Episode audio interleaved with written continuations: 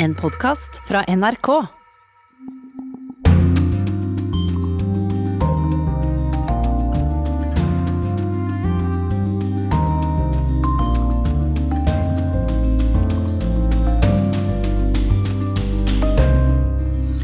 Velkommen til Urix på lørdag.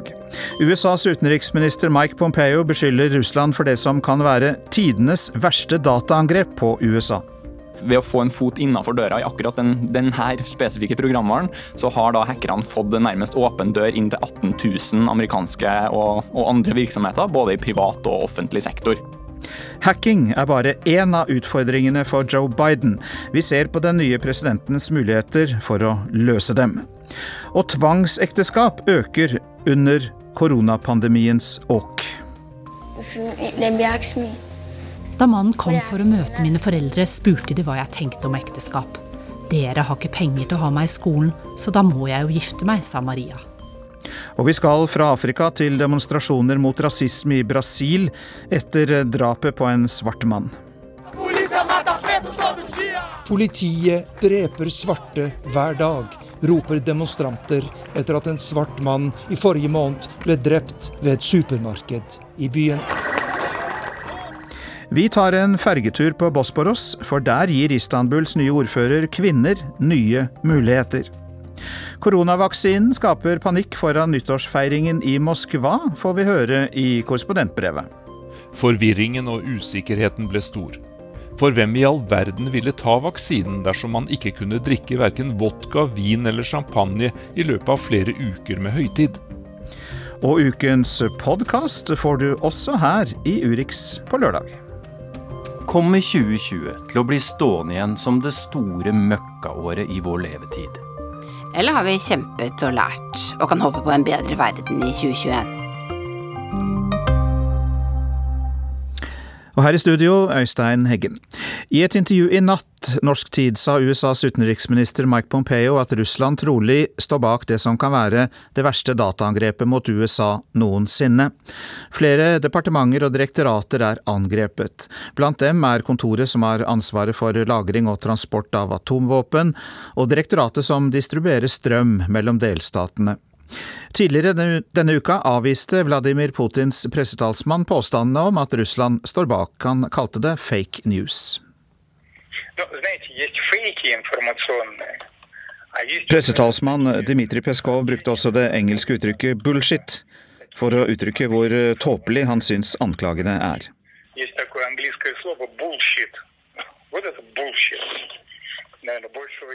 Men i USA så rettes altså pekefingeren mot Russland nå, og det er ikke uten grunn, sier teknologijournalist i NRK Beta, Ståle Grut det vi så langt har lest i amerikanske medier, det er jo at de siterer anonyme tjenestepersoner i, i, USA som sier at den sannsynlige aktøren er SVR, en del av russisk etterretning. Så I 2015 så skal de ha fått tilgang til både Utenriksdepartementet og også ikke-offentlig informasjon om president Obama, sånn som kalenderen hans og sånne ting.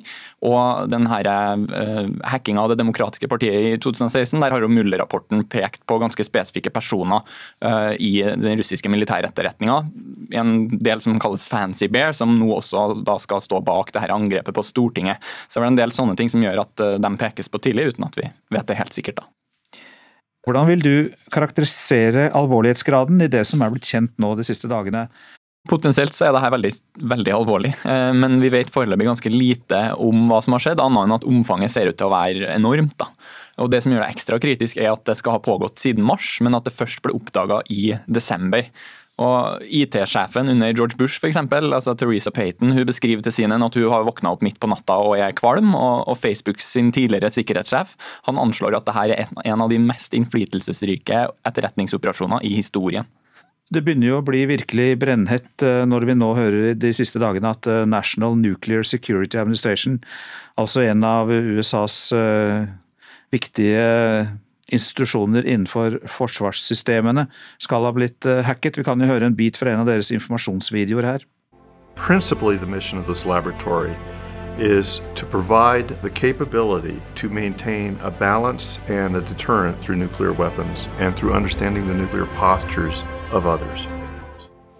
Ja, altså Dette laboratoriet skal bidra til å holde oppe USAs evne til avskrekking og forstå andre staters atomvåpenstrategi. Hva slags metoder er brukt for å klare å snike seg inn i datasystemene til National Nuclear Security Administration, og også for så vidt USAs eh, energinettverk? Ja, Lista begynner å bli ganske lang av ulike aktører som er ramma her. og Det som har blitt gjort, er at uh, det er noen som har uh, sett seg ut uh, det kanskje mest brukte nettverksadministrasjonsverktøyet i USA. Noe som heter SolarWinds Orion. Det er ikke noe som alle har hørt om, men det er meget utbredt i, i USA spesielt. Da. Og det, det, har jo i sin natur veldig bred tilgang til nettverket hos alle virksomheter som har tatt det i bruk. Uh, og det er snakk om uh, at uh, ved å få en fot innenfor døra i akkurat den, denne spesifikke programvaren, så har da hackerne fått en nærmest åpen dør inn til 18 000 amerikanske og, og andre virksomheter, både i privat og offentlig sektor. Og, og, det Når man først har kommet seg inn og hatt tilgang i så lang tid, altså fra siden mars, så øker jo også det her sjansen på at man har skaffa seg andre og skjulte metoder for å få bredere tilgang til systemene. Og det her kan være kjempevanskelig å oppdage, og også det å rydde opp her og få de uønska aktørene ut av nettverkene er vanskelig. Og igjen så sier Facebook sin sikkerhetssjef han sammenligner det med den såkalte Iron Harvest i Frankrike, hvor bøndene der fortsatt er nødt til å samle inn restene av bomber og krigsmateriell fra første verdenskrig hvert år på jordene sine. Så den opprydningsprosessen her, den kan bli lang. da. Det ligger der uten å bli oppdaga, da? Ja, De har åpenbart vært, hatt tilgang til systemet. og så Da er det på en måte det store spørsmålet hva har man gjort med den tilgangen.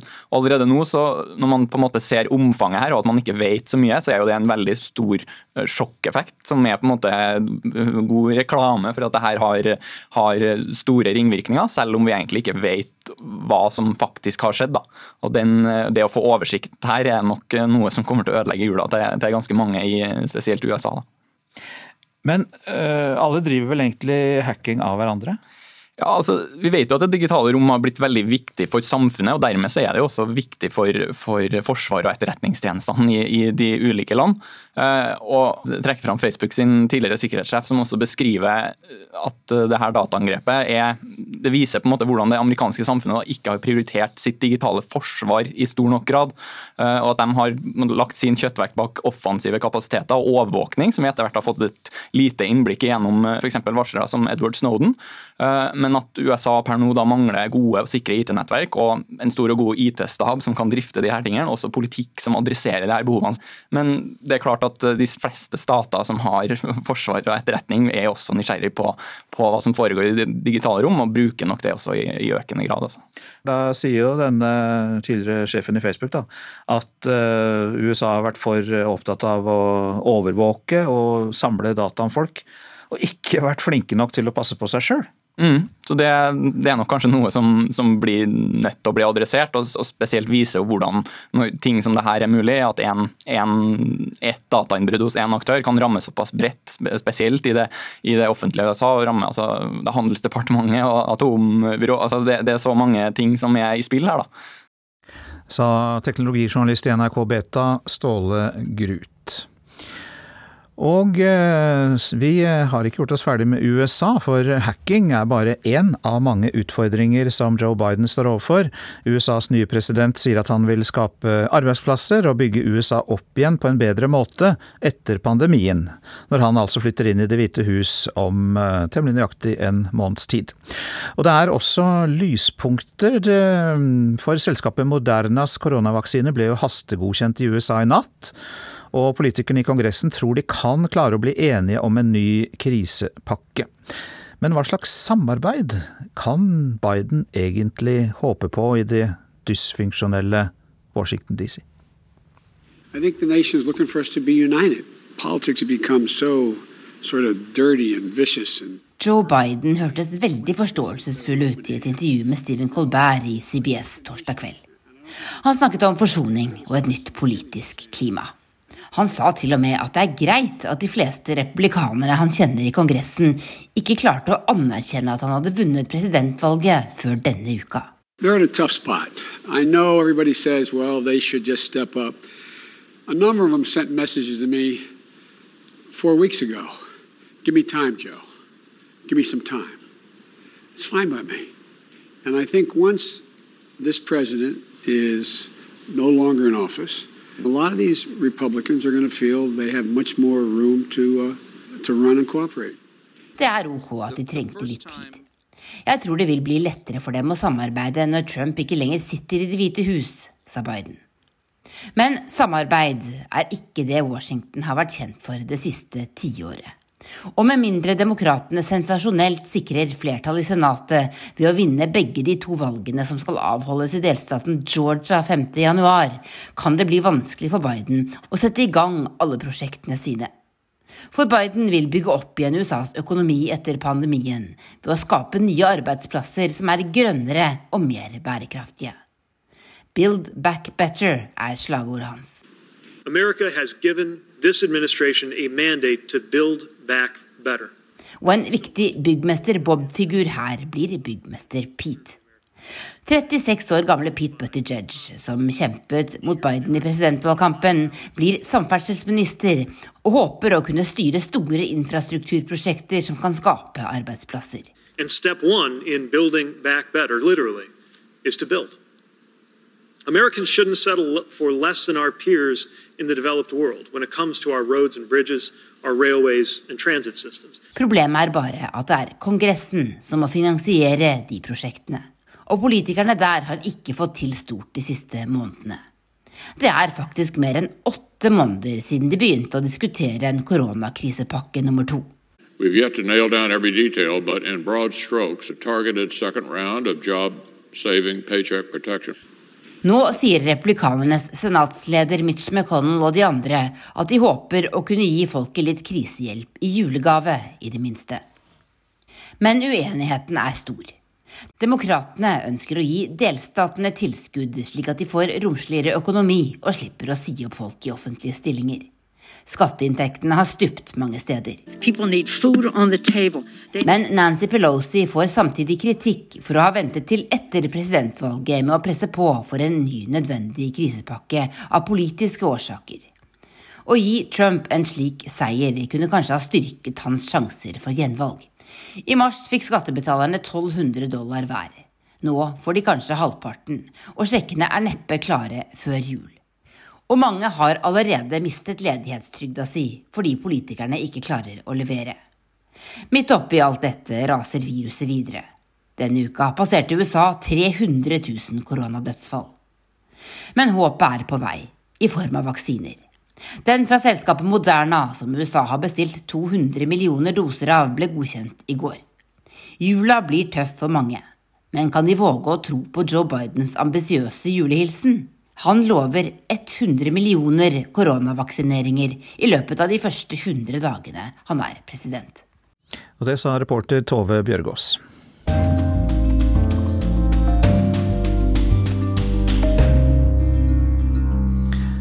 Koronaepidemien rammer jenter i Afrika ekstra hardt. Hvert år blir rundt 12 millioner jenter giftet bort før de er 18 år. Nå frykter FN at det kan øke til minst 13 millioner i år. Mange familier føler at de ikke har noe valg, fordi koronapandemien har ført til økt fattigdom. Og nå skal vi til Sierra Leone, der familien giftet bort sine døtre for å overleve. Det er liv og røre i gatene i en liten landsby i Sierra Leone. Denne republikken ved Afrikas vestkyst er et av verdens fattigste og minst utviklede land. Det hindrer ikke barna fra å smile mens de leker i de jordkledde gatene, omkranset av enkle murhus med blikktak. Kontrasten er stor fra gleden og energien i gata til stillheten og mørket i et hus like ved. Her sitter 16 år gamle Maria. Hun har store, alvorlige øyne og tvinner fingrene hardt mens hun snakker lavmælt. Um,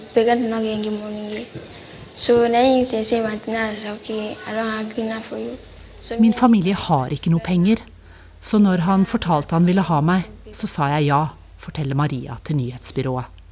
Det var en voksen mann i landsbyen som hadde lagt merke til Maria da hun løp forbi huset hans. Rett etterpå fridde han.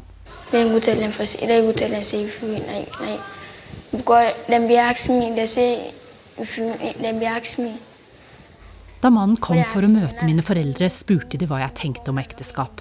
Dere har ikke penger til å ha meg i skolen, så da må jeg jo gifte meg, sa Maria. Hvert år blir tolv millioner jenter giftet bort før de er 18 år. De fleste barneekteskap inngås i Sør-Asia, Vest- og Sentral-Afrika og Latin-Amerika. I år er det ekstra ille pga. koronapandemien, og FN tror antall barneekteskap vil øke med én million. Her er stefaren til Maria. Right now, I no get money. I they sell, they know they buy because of this problem. De siste månedene har vært vanskelig, vi har ikke engang penger til mat, sier Osman. Stefaren er en lang, alvorlig mann med en seneste kropp som vitner om hardt arbeid. Pga. koronapandemien får han ikke kunder til syverkstedet sitt. Frieren til Maria kunne lokke både med penger til familien, ris til Maria sine fire søsken og tilgang til en brønn. Maria ville helst gått på skolen. Hun vet at utdanning er veien ut av fattigdom, men bøyde av for familiens akutte behov.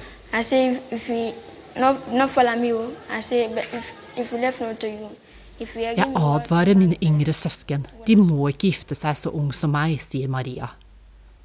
Rapporter fra hjelpeorganisasjoner viser også at barneekteskap får svært alvorlige konsekvenser for mange av jentene når de blir gravid.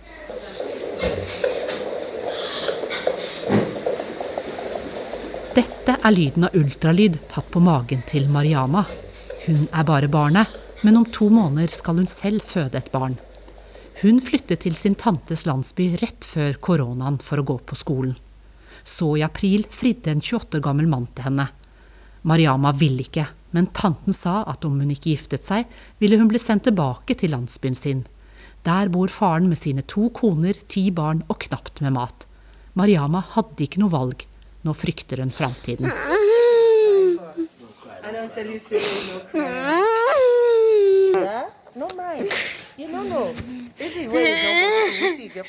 Graviditet er den fremste dødsårsaken blant jenter i 15-19-årsalderen i verden. Svangerskap i ung alder, når kroppen ikke er ferdig utviklet til å bære fram barn, kan føre til alvorlige fødselsskader. FNs bærekraftmål sier at verden skal få slutt på barneekteskap innen 2030 men de hadde nok ikke regnet med koronapandemien.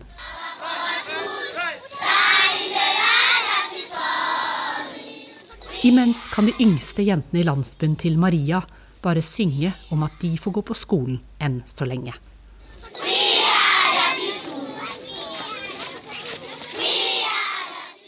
Reporter her var Anja Strønen.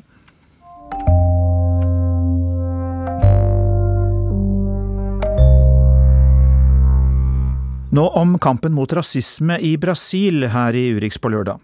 Etter at en svart mann ble slått i hjel av hvite vakter ved et supermarked nylig, har det vært mange protester og demonstrasjoner. Reporter i Rio de Janeiro er Arnt Stefansen. Tre svarte ungdommer trener capoeira i et fattigkvartal i Rio. Capoeira er en dans og en kampsport som ble utviklet av slaver fra Afrika, og den er i dag et av de viktigste symboler på kultur og selvbevissthet hos Brasils svarte innbyggere, sier en av ungdommene Gustavo Rodrigues. Dentro da capoeira eu consigo ter uma energia positiva. Capoeira gir meg en positiv energi. Den får problemene til å forsvinne fra livet mitt. Den hjelper meg psykologisk, og den gir meg styrke, sier han. Og Gustavo og hans venner trenger styrke etter det som har skjedd her i Brasil de siste ukene. Politiet dreper svarte hver dag roper demonstranter i byen Porto Alegre i det sørlige Brasil. Tusener gikk ut i gatene etter at en svart mann i forrige måned ble drept av hvite vakter ved et supermarked i byen. Store politistyrker ble satt inn for å stagge protestene, og den drepte 40-åringen João Alberto Silveira er blitt et symbol på den uretten mange svarte opplever. Er Brasil et rasistisk land? Spørsmålet er stilt utallige ganger, og for Gustavo Rodriguez er svaret enkelt. Quem mora no Rio de Janeiro, é Jeg som bor i Rio de Janeiro, blir utsatt for rasisme hele tiden. Når hvite mennesker ser meg, så skjuler de veskene sine og antar at alle svarte er tyver. De tror at vi alle er overfallsmenn og kriminelle, sier han. Rundt 55% av Brasils befolkning er svarte og fargede, såkalte pardos. Ifølge offisielle tall tjener denne gruppen bare drøyt halvparten så mye som de hvite. Og de utgjør 78% av alle ofre for politidrap her i Rio. Men landets president benekter at Brasil er rasistisk. Somos um povo miscigenado. Vi er en blandet befolkning der hvite, svarte og urfolk utgjør innholdet og sjela i et rikt og flott folk, sier han i et TV-intervju. Og han beskylder de som demonstrerer mot rasisme for å ødelegge samholdet i Brasil. Det de ønsker er konflikt, bitterhet, hat og splittelse mellom rasene, alltid forkledd som en kamp for likhet og sosial rettferdighet, sier presidenten. På et marked i den rike Rio-bydelen Ipanema er det mange som er enige med Bolsonaro. Det handler ikke først og fremst om hudfarge og rasisme, men om fattigdom, sier folk jeg møter. Lugar onde um på et sted der svarte nektes adgang, vil heller ikke fattige hvite slippe inn, sier den 72 år gamle Teresa Brandão. Brasil er ikke et rasistisk land, men det finnes rasisme. Det kan man ikke benekte, sier hun. For de rike og hvite ser verden annerledes ut enn for oss, sier Gustavo Rodriguez. Og skal vi bekjempe rasismen, må våre ledere gå foran, sier han. Hvis de på toppen, president, ordfører, parlamentariker, gjør gale ting, så vil vanlige folk gjøre det samme, sier den svarte capoeira-artisten her i Rio de Janeiro.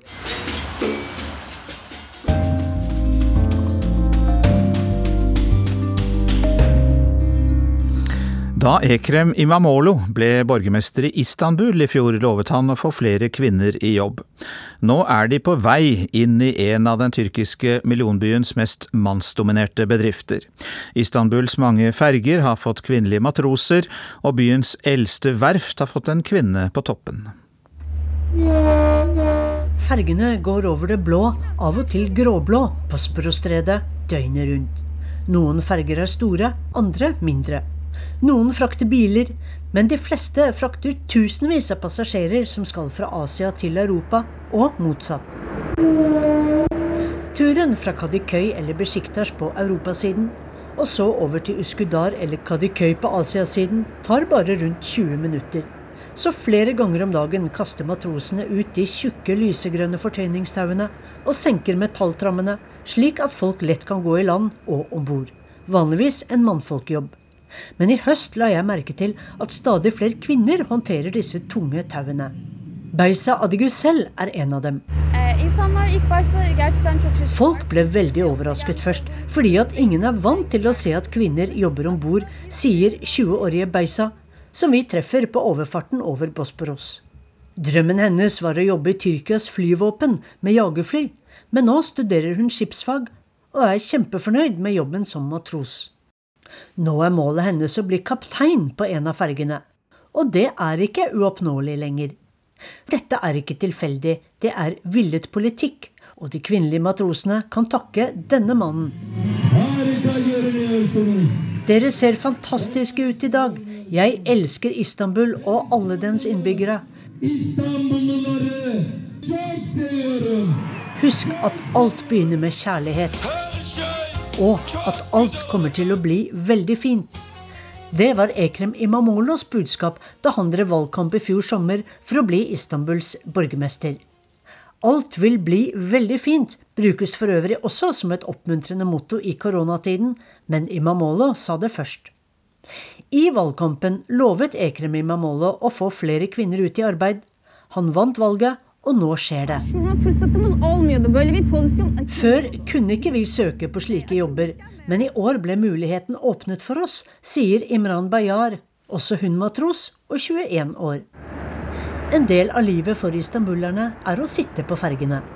Passasjerene rekker et glass tyrkisk te, mens de sitter på dekk og ser mot gamle Konstantinopel og Galatatårnet til lyden av måkeskrik. For fergene har alltid følge av en flokk sultne måker som håper på en matbit. De fleste båtene tilhører Shehir Hatlari, bylinjer, som er Istanbuls eldste og største fergeselskap, grunnlagt i 1844. I en by som deles av det 33 km lange Bosporosstredet, er fergene en del av blodomløpet. Og derfor er fergeselskapet Shehir Hatlari en stor og viktig arbeidsplass. Hvor mange ferger har dere nå, spør jeg sjefen for fergeselskapet.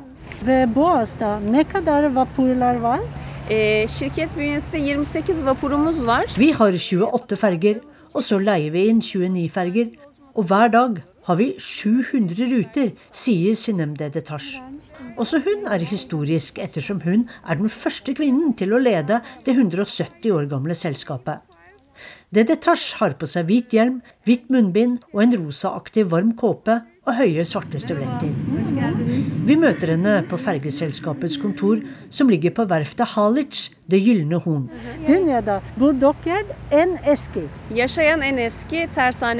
Skipsverftet er verdens eldste som fremdeles er i drift, sier hun.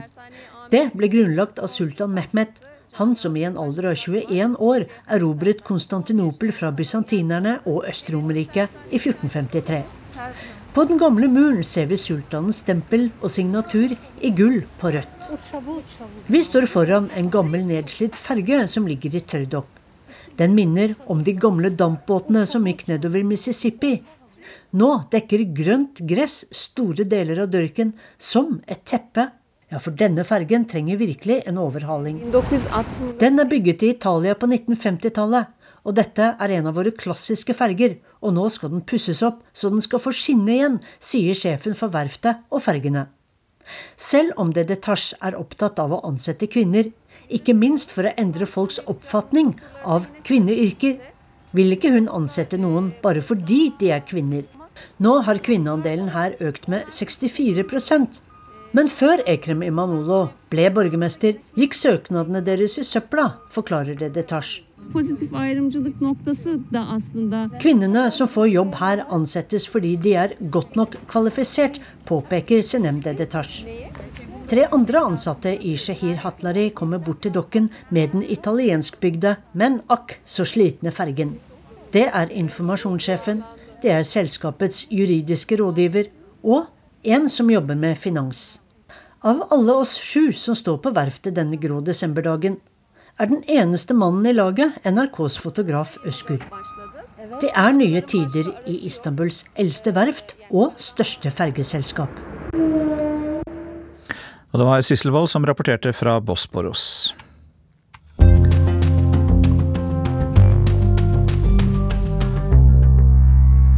I Russland har koronavaksine og alkohol vært et omstridt tema i det siste. Noen eksperter har sagt at de som blir vaksinert må være tørrlagt i lang tid. Andre har påstått at det ikke er så farlig. Og russiske medier har ikke akkurat bidratt til å klargjøre situasjonen, forteller vår mann i Moskva i denne ukas korrespondentbrev. Først kom nyhetsmeldingene om at de som tok den russiskproduserte Sputnik-vaksinen, ikke kunne drikke alkohol i det hele tatt. En av Russlands ledende eksperter på området sa at det var nødvendig å være fullstendig tørrlagt i to måneder. Sånn var det bare, for motstanden som skulle bygges opp i kroppen mot koronaviruset, ville bli sterkt skadet dersom den vaksinerte drakk alkohol. Uttalelsen førte til panikk over store deler av Russland. Den prestisjefylte vaksinekampanjen sto i fare for å stanse helt. Noe av bakgrunnen for dramaet er at nyttårsfeiringen uten sammenligning er russernes største høytid. Fra midten av desember til midten av januar gjøres det svært lite på arbeidsplassene, og folk er desto mer ute på byen og i hjemmene.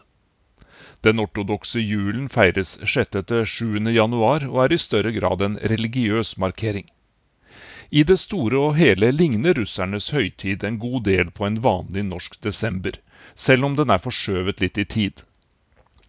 Russerne pynter sine nyttårstrær, og den russiske julenissen fader Frost kommer med presanger til barna. Men i år er det nok større forskjell på hvordan russere og nordmenn markerer høytiden. De norske smitteverntiltakene er nå atskillig strengere enn de russiske. Folk blir bedt om å holde sosial avstand, men det er ingen begrensninger på hvor mange som kan være samlet. Russiske myndigheter har hittil sagt konsekvent nei til å stenge ned store deler av samfunnet, slik det ble gjort i våres. De mener at helsevesenet fint klarer å hamle opp med økende smittetall. I Moskva er barer, kafeer og restauranter åpne til klokka 23. Det er en god del folk ute på byen, spesielt i helgene. Om lag 200 000 russere har hittil blitt vaksinert mot koronaviruset. De fleste er folk i risikogruppene, som helsepersonell, lærere, militære og sosialarbeidere. Og vaksineringen pågår hele tiden, selv om russiske myndigheter sier at de bare får produsert om lag to millioner doser i løpet av dette året. Og det er jo ikke så mye i et land der innbyggertallet er om lag 144 millioner. Helt siden Sputnik-vaksinen ble offisielt registrert i august, har president Vladimir Putin struttet av stolthet når han har snakket om hvordan prosjektet går framover. Navnet er valgt i håp om at vaksinen skal være like viktig for landet som verdens første satellitt i bane rundt jorda. Men så skjedde altså det som truet med å skyte ned Sputnik-vaksinen fra dens høytflyvende bane. Den ene artikkelen etter den andre dukket opp om dette med vaksine og alkohol. En ekspert mente én ting, en annen hadde andre opplysninger. Det gikk fra to måneder totalt alkoholforbud til et par uker. Noen ga råd om at det kunne drikkes en viss mengde alkohol uten at det førte til særlig skade. Forvirringen og usikkerheten ble stor. For hvem i all verden ville ta vaksinen dersom man ikke kunne drikke verken vodka, vin eller champagne i løpet av flere uker med høytid? Myndighetene forsto ut fra aktiviteten i sosiale medier at situasjonen var alvorlig. De mobiliserte den fremste russiske eksperten som hadde ledet arbeidet med å utvikle Sputnik-vaksinen. Han presiserte at forbudet mot alkohol hos de vaksinerte ikke er totalt. Det gjelder bare de tre første dagene, og deretter kan man smake, men ikke overdrive. Så spørs det om det var bra nok for russere flest. Mange er nemlig skeptiske til å ta de to sprøytene. En ny meningsmåling bekrefter det vi har sett før, nemlig at om lag 60% av de spurte ikke ønsker å ta vaksinen. De jeg har snakket med, sier at de ikke stoler på at Sputnik er godt nok testet ut. De frykter at de kan få bivirkninger dersom de lar seg stikke. Da russiske medier begynte å omtale problemene med å innta alkohol etter at man har tatt vaksinen, var det kanskje en del russere som fikk et ekstra argument mot å la seg vaksinere. Svært mange i dette landet ser fram mot det som er den lengste sammenhengende høytiden i løpet av året. En stor andel av befolkningen kan ta seg fri to uker i strekk. Russisk nyttår er forbundet med en god del skikker og rutiner. I matveien er det ikke så strengt med type retter som i Norge, men noen majonesbaserte salater bare hører med. Sort eller rød kaviar også. Og voksne russere bare elsker å se klassiske filmer fra Sovjetunionen rundt årsskiftet. Yngre generasjoner har fått nye favorittfilmer. Det er heller ikke til å komme unna at vodka og russiskprodusert champagne hører med på festbordet. Derfor førte usikkerheten rundt vaksinen og alkohol til mye diskusjon. Samtidig er utviklingen når det gjelder koronasmitte i Russland ikke særlig god. Statistikken over nye smittede og døde per døgn har holdt seg stabilt høy den siste tiden. Stadig vekk har det blitt satt nye rekorder. Derfor har det vært viktig for russiske myndigheter å komme i gang med vaksineringen i større skala så fort som mulig. Og det er viktig at den fortsetter. Det er Sputnik-vaksinen som skal redde Russland fra pandemien, ikke nedstengning og harde tiltak, slik det gjøres i mange andre land. Alt som kan føre til problemer for vaksinasjonskampanjen, blir derfor sett på som et stort problem av landets ledere. Og derfor ble den fremste eksperten sendt ut på arenaen i ekspressfart for å berolige befolkningen i spørsmålet om alkohol og vaksine. I fjor forberedte den russiske hovedstaden seg på å ta imot tolv millioner besøkende fra inn- og utland i forbindelse med høytidene ved årsskiftet. Moskva var pyntet som aldri før. I år har byen også blitt staset opp, men det slår ingen rekorder. Og når det gjelder besøkende, så har det kanskje aldri vært så få i denne praktfulle byen, som er så stappfull av stemning og historie. Den står der som et bevis på at det går an å overleve både pandemier og andre vanskelige tider. Og når mange nok av oss har fått de stikkene vi skal ha i armen, så kommer grensene etter hvert til å åpnes. Igjen vil det bli mulig å glede seg over den russiske hovedstaden med alle dens tilbud. Inkludert et glass russisk vodka eller champagne, pluss litt kaviar for den som er opptatt av sånt.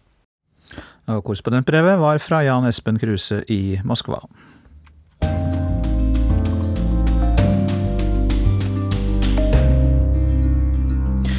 Nå inviterer podkasten Krig og fred til digital juleavslutning. Sjelden har vi vel vært så glade for snart å være ferdig med året. Men er det noen grunn til å tro at 2021 blir noe bedre enn 2020? 2020 er snart unnagjort, og det er på tide å sette seg ned med årsregnskapet. Joe Biden er stemplet og godkjent som USAs neste president, men Donald Trump gir seg ikke. Vaksineringa er endelig i gang, men så stiger disse smittetallene igjen. Og ved nyttår blir det omsider noe av brexit, men britene og EU er ikke enig. Kommer 2020 til å bli stående igjen som det store møkkaåret i vår levetid? Eller har vi kjempet og lært, og kan håpe på en bedre verden i 2021? Du hører på Krig og fred med Halvard Sandberg. Sigurd Falkenberg Mikkelsen. Tove Bjørgaas. Og Tore Moland. Hva har gjort mest inntrykk i år, eh, folkens? Halvard? Når jeg ser det sånn i koronaperspektiv og hva som har betydd mest for meg i løpet av året, så er det den dagen hvor Erna Solberg stengte ned landet. Vil alle få en annerledes verden. Da følte jeg at vi var i krig og at jeg skulle være en av soldatene i denne krigen. Hvilken rolle jeg skulle spille, det visste jeg ikke. Eh, for jeg var forberedt på å sette meg inne på hjemmekontoret i et år, og barna mine skulle være hjemme fra skolen i et år. Skoler stenges. Men at det var en krig, og at det var enkelt og reint og lett å forholde seg til, for vi var jo i krig. Den enkle, reine krigen mot viruset. Men du var klar for krig? Du hadde hamstra og bunkra deg opp og var klar på hjemmebane? Ja, det sikret meg for at familien min skulle ha mat for 14 dager. Eh, og så hadde jeg medisiner for å kjøre fire stykker gjennom en tre ukers influensasykdom. Det skulle jeg sørge for. Det hadde jeg klart. Det hadde jeg i første dagene av mars.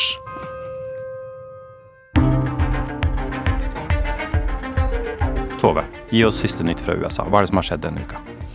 Joe Biden har sagt eh, egentlig for første gang at Donald Trump virkelig har forsøkt å skade det amerikanske demokratiet med oppførselen sin etter valget. Det høres kanskje ikke så spektakulært ut, men det er egentlig ganske viktig, tror jeg. Our democracy pushed, tested, threatened, proved to be resilient, true and strong. Og samtidig så er han nå formelt anerkjent, valgt både av folket og av dette valgkollegiet, så det blir Joe Biden som blir USAs neste president fra 20.1. Ja, På mandag så ble han valgt av disse 538 eh, valgmennene og -kvinnene rundt omkring i USAs 50 eh, delstater og Washington DC. 306 av dem stemte på Joe Biden, og det er akkurat så mange valgmannsstemmer som han fikk 3.11. Det betyr altså at alle disse representantene som er pekt ut for å utføre valghandlingen i dette arkaiske, gammeldagse systemet til USA, at de stemte på, uh, på Biden. Så, så, så, de respekterte uh, folkets vilje og, og demokratiet, iallfall. Og så ser vi nå at noen framstående republikanere en etter en begynner å anerkjenne Joe Biden som USAs neste president. Hvor eh, etterlater det Donald Trump? Er han da lame duck, eller er han en sovende bjørn? Donald Duck. Nå fikk jeg endelig sagt det. Lame Donald Duck? Ja. Eh, han er jo det, men hans eh, karriere i politikken er nok ikke over med, med dette. Og jeg hørte en kommentator denne uka si at det hun var mest overrasket over i den måneden som har gått etter valget, det var hvor, hvilket kvelertak Donald Trump har på det republikanske partiet. Hvor langt inne det sitter, hvor livredde mange av disse republikanske politikerne er for å, for å hoppe fra skuta. Dette har vi jo snakka om i fire år. Når, når hopper de fra, fra, skuta? Men selv etter at han har tapt valget, så, så er det altså Donald Trump som, som, styrer dette partiet. Det er jo åpenbart. Tove, er du overraska når du tenker tilbake på hvor du var i begynnelsen av året? Er du overraska over at det var Joe Biden som ble demokratenes presidentkandidat, og at han greide å slå Donald Trump ved valget? Nei, det er ikke selv om jeg tenkte selv, og mange i, i min jobb, holdt jeg på sagt, tenkte at det kanskje burde vært uh, en annen i begynnelsen, så har jeg snakket med så mange eh, i USA, demokrater, og også replikanere, som mente at det burde bli han. Og når jeg ser tilbake på dette nå, så tror jeg det hadde vært veldig lite sannsynlig at demokratene hadde vunnet det presidentvalget med en annen kandidat. Jeg tror ikke de ville vunnet en med Camelot Harris, f.eks. Og jeg tror også at Eh, det var koronaen som sikret eh, Joe Biden seieren. Jeg tror Donald Trump hadde vunnet valget om det ikke var for eh, pandemien. Halvard, du har jo tidligere vært redd for at både Høyesterett og militæret skulle kunne måtte gå inn og velge side etter et amerikansk presidentvalg, og nærmest advart mot borgerkrigslignende tilstander. Kan vi si at dette har gått bedre enn du hadde frykta? Å ja, langt, langt bedre. Mye bedre. Uh, egentlig den store lettelsen kom da mer eller mindre etter samlet militær ledelse i USA sa at vi skal følge Grunnloven. Da tenkte jeg ok, vi får ikke en gjentagelse av borgerkrigen i USA. Sigurd, hvordan kommer verden til å merke at eh, Joe Biden blir president og ikke Donald Trump? Jeg, jeg tror at det kommer man til å merke ganske tydelig eh, på en, på en del områder. Uh, Parisavtalen uh, kanskje først og fremst. Da. Der er det i hvert fall der de har sagt uh, tydeligst at de skal inn. Utnevnte John Kerry som en sånn klimautsending, eller klimatsar. Høres litt flottere ut på amerikansk. Spent på hva han får til. Amerikanerne har jo trukket seg tilbake eh, i veldig stor grad fra internasjonale organisasjoner, fra de arenaene som jo er en, et sted hvor makt utøves. Eh, og jeg tror nok mange av USAs allierte har nok følt seg litt alene. Så det er nok mange som sitter og venter og håper på at eh, storebror skal komme tilbake igjen. Men kan USA bare komme tilbake som om ingenting har skjedd? Nei, det er ikke det, for det er... Har det skjedd noen grunnleggende endringer? Ja, det har jo definitivt det. ikke sant? Det ene er at amerikanernes politikk ligger ikke like fast i de foraene som den har gjort, da, tross alt med skiftende administrasjoner kroner. Russland, Kina har fylt, eh, fylt mye av de, de, hullene, så det er ikke bare å gå inn og, og, late som om ingenting har skjedd. Eh, og så er jeg også spent på hvor mye kraft eh, Biden klarer å samle rundt seg, også internasjonalt. fordi at han har jo først og fremst en voldsom jobb å gjøre internt i USA. Good afternoon. I've today left hospital after a week in which the NHS has saved my life. No question. Jeg tror jeg husker Boris Johnson ja, i påsken da han hadde kommet ut fra sykehuset etter å ha hatt korona. For her hadde vi jo mannen som bare like før hadde insistert på at han skulle besøke sykehus og håndhilse på folk og klaske dem på ryggen og ikke bruke munnbind og sånn, og så kom han ut og så hadde han vært skikkelig, skikkelig dårlig. Og anerkjente på en måte fysisk hvor alvorlig korona faktisk var. Og samtidig så måtte han da takke hva som virkelig bandt Storbritannia sammen, og jeg venta på hva han skulle si. Og det var helsevesenet. ikke sant? Two nurses who stood by my bedside for 48 hours when things could have gone either way. Og på toppen av det hele den politiske ironien i at han da måtte takke en sykepleier fra Portugal og en fra New Zealand, om jeg ikke husker feil. Altså, Akkurat det han hadde bygd politikken sin på, trekke Storbritannia tilbake fra verden, begrense arbeidsinnvandringen, dette var de samme folka som han måtte takke for at han hadde overlevd korona. En heftig realitetsorientering.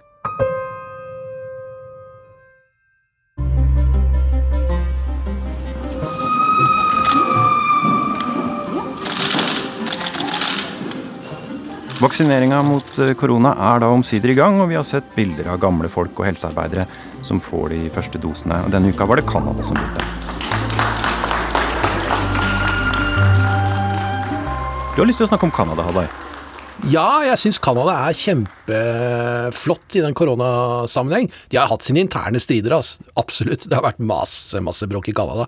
Men Canada har en litt sånn strategi med at de skal hjelpe resten av verden. De har bestilt så ufattelig mange doser av vaksine, mer enn nok til å dekke egen befolkning, og at de da planen er alt overskytende skal da gå til fattige land. Slik at Canada skal spille den rollen, mens eh, naboen eh, i eh, sør skal liksom være America first.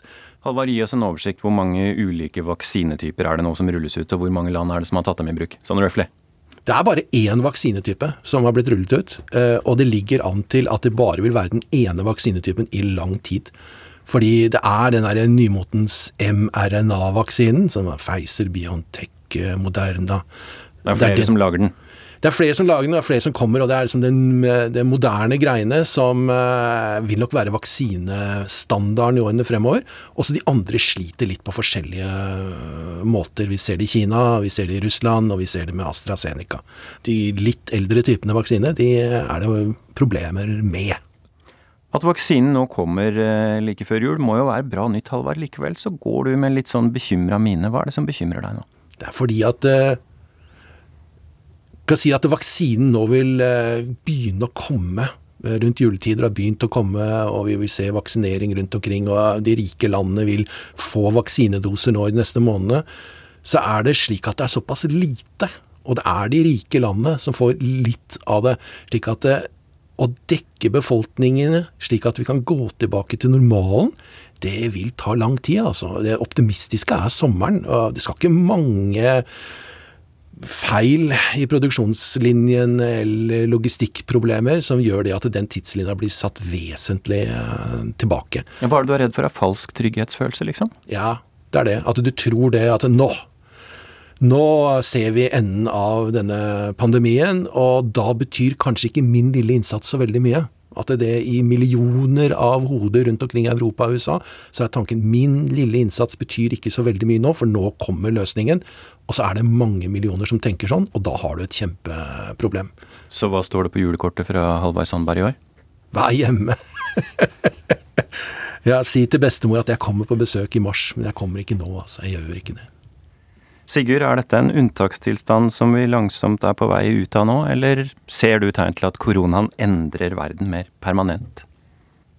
Jeg drar litt på det, eller jeg tenker litt. Eh, jeg tenker jo at vi på en måte eh, har vi vært gjennom noe helt eksepsjonelt. Eh, men så er det jo sånn at ting blir jo ikke helt normalt bare fordi vi har liksom kommet oss over eh, et, en barriere. Eh, man, vi har gjort noe i den prosessen, og vi er jo ikke engang eh, over, som, som Halvard snakka om. Så jeg, jeg, jeg, tenker vel at vi som, både som mennesker og samfunn kommer til å se litt ganske annerledes ut når vi kommer på, kommer på andre sida. Selv om det er et veldig sånn, behov for folk, meg selv inkludert, å, liksom komme tilbake til noe sånn, sånn, sånn, som det var før. Men jeg tror at vi kommer til å sitte igjen med, med en helt annen erfaring, og kanskje være litt klokere. Ja, jeg må si at jeg, jeg, jeg pleier ikke å være veldig uenig med sjefen min. Men der er jeg, altså. Jeg er skikkelig uenig. Jeg mener og tror at vi mennesker bare vil riste litt på skuldrene om et års tid og glemme hele greia. Og leve akkurat sånn som vi levde før. Det er slik menneskedyret er. Vi vil bare legge det bak oss og ikke tenke mer på det. Det kjedeligste i verden vil være å snakke om korona på vårparten 2022. Det er ingen som har lyst til å høre noe om det. Allerede om et år, tror du? Ja, ja. Vi er, vi er så ferdig. Vi er så utrolig ferdig. Og, og en permanent endring av verden og av menneskelig sivilisasjon og kulturen og tankegangen vår? Nei. Jeg syns det mest fascinerende er at, at, at, denne gigantiske globale nyhetssaken altså berører oss alle så utrolig personlig. ikke sant? At alle har måttet endre måten de lever på. Så jeg lurer veldig på hvordan dette kommer til å forandre f.eks. For barna sitt syn på verden. Jeg tror de som opplever dette når de er små, kommer til å huske Jeg merker det på min egen sønn, at, at det, det, at det året du gikk med, med munnbind og, og, måtte passe deg for alle de andre, det, det, er jo noe du kommer til å kjenne i kroppen, tenker jeg. Sigurd, hva står igjen fra 2020? For meg så er det eksplosjonen i Beirut. Uh, et enormt uh, sjokk. Uh, både fysisk og på alle plan. Havnelageret som gikk i lufta i sommer. For det første så hadde, jeg, hadde, vi reportere i felt. Så jeg fikk jo en tekstmelding fra Sissel Wold som var der på et annet oppdrag. Og alle er bare helt i sjokk. Det første bildet fra Sissel var fra noen bakgater som, som, vi begge to kjenner godt, hvor det var en eksplosjon med noe rosa røyk. Men så og så jeg alle disse bildene og fikk eh, fullstendig hakeslepp. Jeg har aldri sett noe lignende. Jeg synes Et av de bildene så er det nesten som en sånn haikjeft som, som løfter seg fra havnelageret der. Og det blir altså så, så symbolsk, øh, føler jeg. Uh, eksplosjon på alt som har gått galt i Libanon, men også alt som går galt i Midtøsten.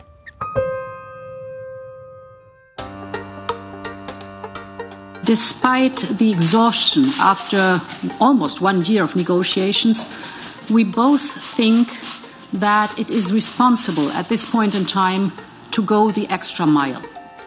Vi får gå en ekstra mil og forhandle videre på overtid, sa både Ursula von der Leyen og Boris Johnson fra Storbritannia i begynnelsen av denne uka. Og det handler selvfølgelig om brexit-sagaen som aldri tar slutt.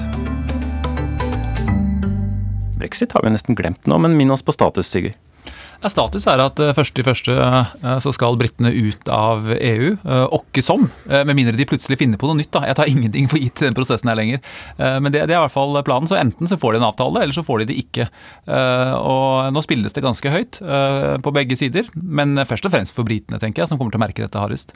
Men sånn formelt så forlot vel britene egentlig EU på papiret allerede ved nyttår. Men så har de altså sittet og forhandla om handelsavtaler og framtidig tilknytning gjennom hele året. Hvorfor er det så endeløst uh, håpløst vanskelig? Det er jo fordi at det er to økonomier som er veldig tett sammenknytta, og at det er veldig vanskelig for, sett fra, for britene da, å både få markedstilgang uten alt det andre. De klarer ikke å få begge deler. Og så prøver de seg da, gang på gang på gang, mens, mens for EUs del så er det også viktig at de klarer å markere hva dette dreier seg om, og hva, hva, indre, hva EU står for, og hva det indre markedet er, og hva det ikke er. Sånn at det er mange hensyn å ta, og så har hvert eneste land i EU har jo også sine nasjonale interesser eh, oppi dette, som er komplisert. Men jeg tror at en av de tingene som står igjen, er vel egentlig hvor, uh, hvor tett uh, de 27 landene, gjenværende landene har faktisk gjennomført denne forhandlingsprosessen. For jeg uh, jeg antar at britene kanskje hadde sett for seg en, en god gammeldags splitt og hersk her. At de skulle klare å nappe ut noen land uh, og på en måte få en bedre forhandlingsposisjon uh, uh, underveis. Men det, sånn som jeg ser det, eller har observert det, så virker det ikke som de har klart det. Og det er ganske interessant. Lille julaften har det da gått fire og et halvt år siden britene stemte for å forlate EU. Det er jo lettere å si dette her enn å gjøre det. Definitivt. Uh, og det var jo et sjokk. Uh, altså, det var jo et av de store, store sjokkene. Mange som har lekt med tanken. Uh, kan vi ikke bare trekke oss ut? Og så gjorde altså det, et av de største medlemslandene, som riktignok også var et motvillig medlem, sånn historisk, valgte å gå ut. Så det er klart at for en institusjon som EU, så var dette kjempekrevende, og de trenger et samarbeid. Så de kan på en måte, Det går ikke an å brenne alle broene, verken for EU eller for britene. Er det også et spill som foregår nå, der ingen har lyst til å være den som bare kaster korta og går fra bordet og sier nå får det bare gå som det går her? Ja, det er klart det. Og jeg tror ikke det er så mye sympatikapital igjen heller for britene i EU. Jeg tror de er ganske lei. Eh, de er lei av Boris Johnson. De, han, har, han, klarer kanskje å kommunisere med egne velger, men han kommuniserer jo ikke lenger med EU. Eh, e de har mye viktigere ting å forhandle om og drive med enn eh, en brexit. Jeg har tenkt liksom at EU, e hele kontinentet, er på vei nedover. Nesten alt peker på at Europa er på vei nedover. At vår storhetstid er over, og at vi blir en fattig, et fattig hjørne av verden om en, kanskje en 100-200 år. Og at det som skjer nå med løsrivelsen fra med brexit-forhandlingene, at det vil være et sånn merkepunkt da, når den historien fortelles. At det fra det punktet der så var ånden død. Litt som USA, egentlig? Ja, litt som USA imperiers eh, vekst og fall er det skrevet eh, lange, lange bøker om. Eh, men, men, dette er jo ikke noen, noen, ukjent melodi. Altså, Franske bokhandlere pleier å være fulle av bøker som heter varianter av le déclin, altså nedgangen. altså Alt var så mye bedre før og sånne ting. Så, så det, det, det, som er spennende å se, da, det er hva gjør EU? EU har gjort noen ganske radikale grep i denne koronakrisen. Hvordan responderer politikerne? Og er europeerne i stand til å samle seg om et, et felles prosjekt, både nasjonalt og på overnasjonalt overnasjonalt plan, eh, for da å motvirke den tendensen som, som Halvard snakker om her.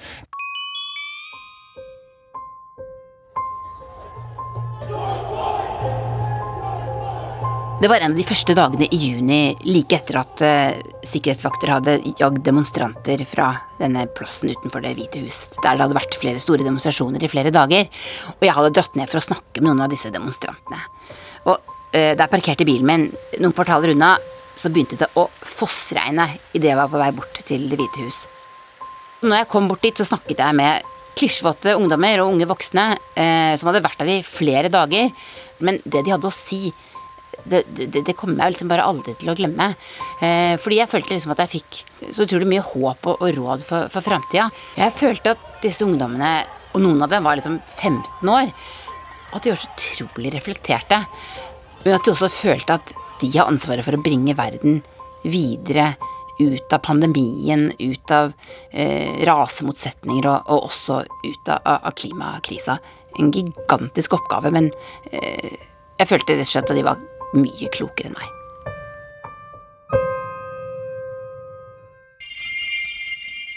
Vaksina er på vei. Eh, vi får kanskje et mer normalt liv eh, i Det hvite hus, og en eller annen form for konklusjon på hele brexit-smørja. Sigurd, blir verden et bedre sted å leve i i 2021? Jeg håper det. Men jeg tror ikke at eh, verden magisk blir bedre første i første. Men det er i hvert fall en mulighet til å starte på nytt, og det er det som er fint med, med nyttår. Jeg håper det blir mye kjedeligere. Det var akkurat det jeg skulle si, Tove. Jeg håper virkelig det, og jeg tror det. Jeg tror det kommer til å bli så kjedelig og det er kjempebra, altså. Det er så bra. Du har hørt årets siste Krig og fred fra NRK Urix. Lydregien var ved Lisbeth Sellreite. Og vi hører gjerne fra deg på e-postadressen krigogfred nrk.no. Og husk at du også kan få ukesbrev på e-post fra oss om det viktigste som skjer i verden. Vi ønsker deg en fredelig jul og et godt, og i alle fall bedre og kanskje litt kjedeligere neste år. God jul. God jul. Ho, ho, ho. Og denne utenrikstimen har Finn Lie vært teknisk ansvarlig. Produsent var Idun Lavik, og her i studio Øystein Heggen. Dette var Urix på lørdag.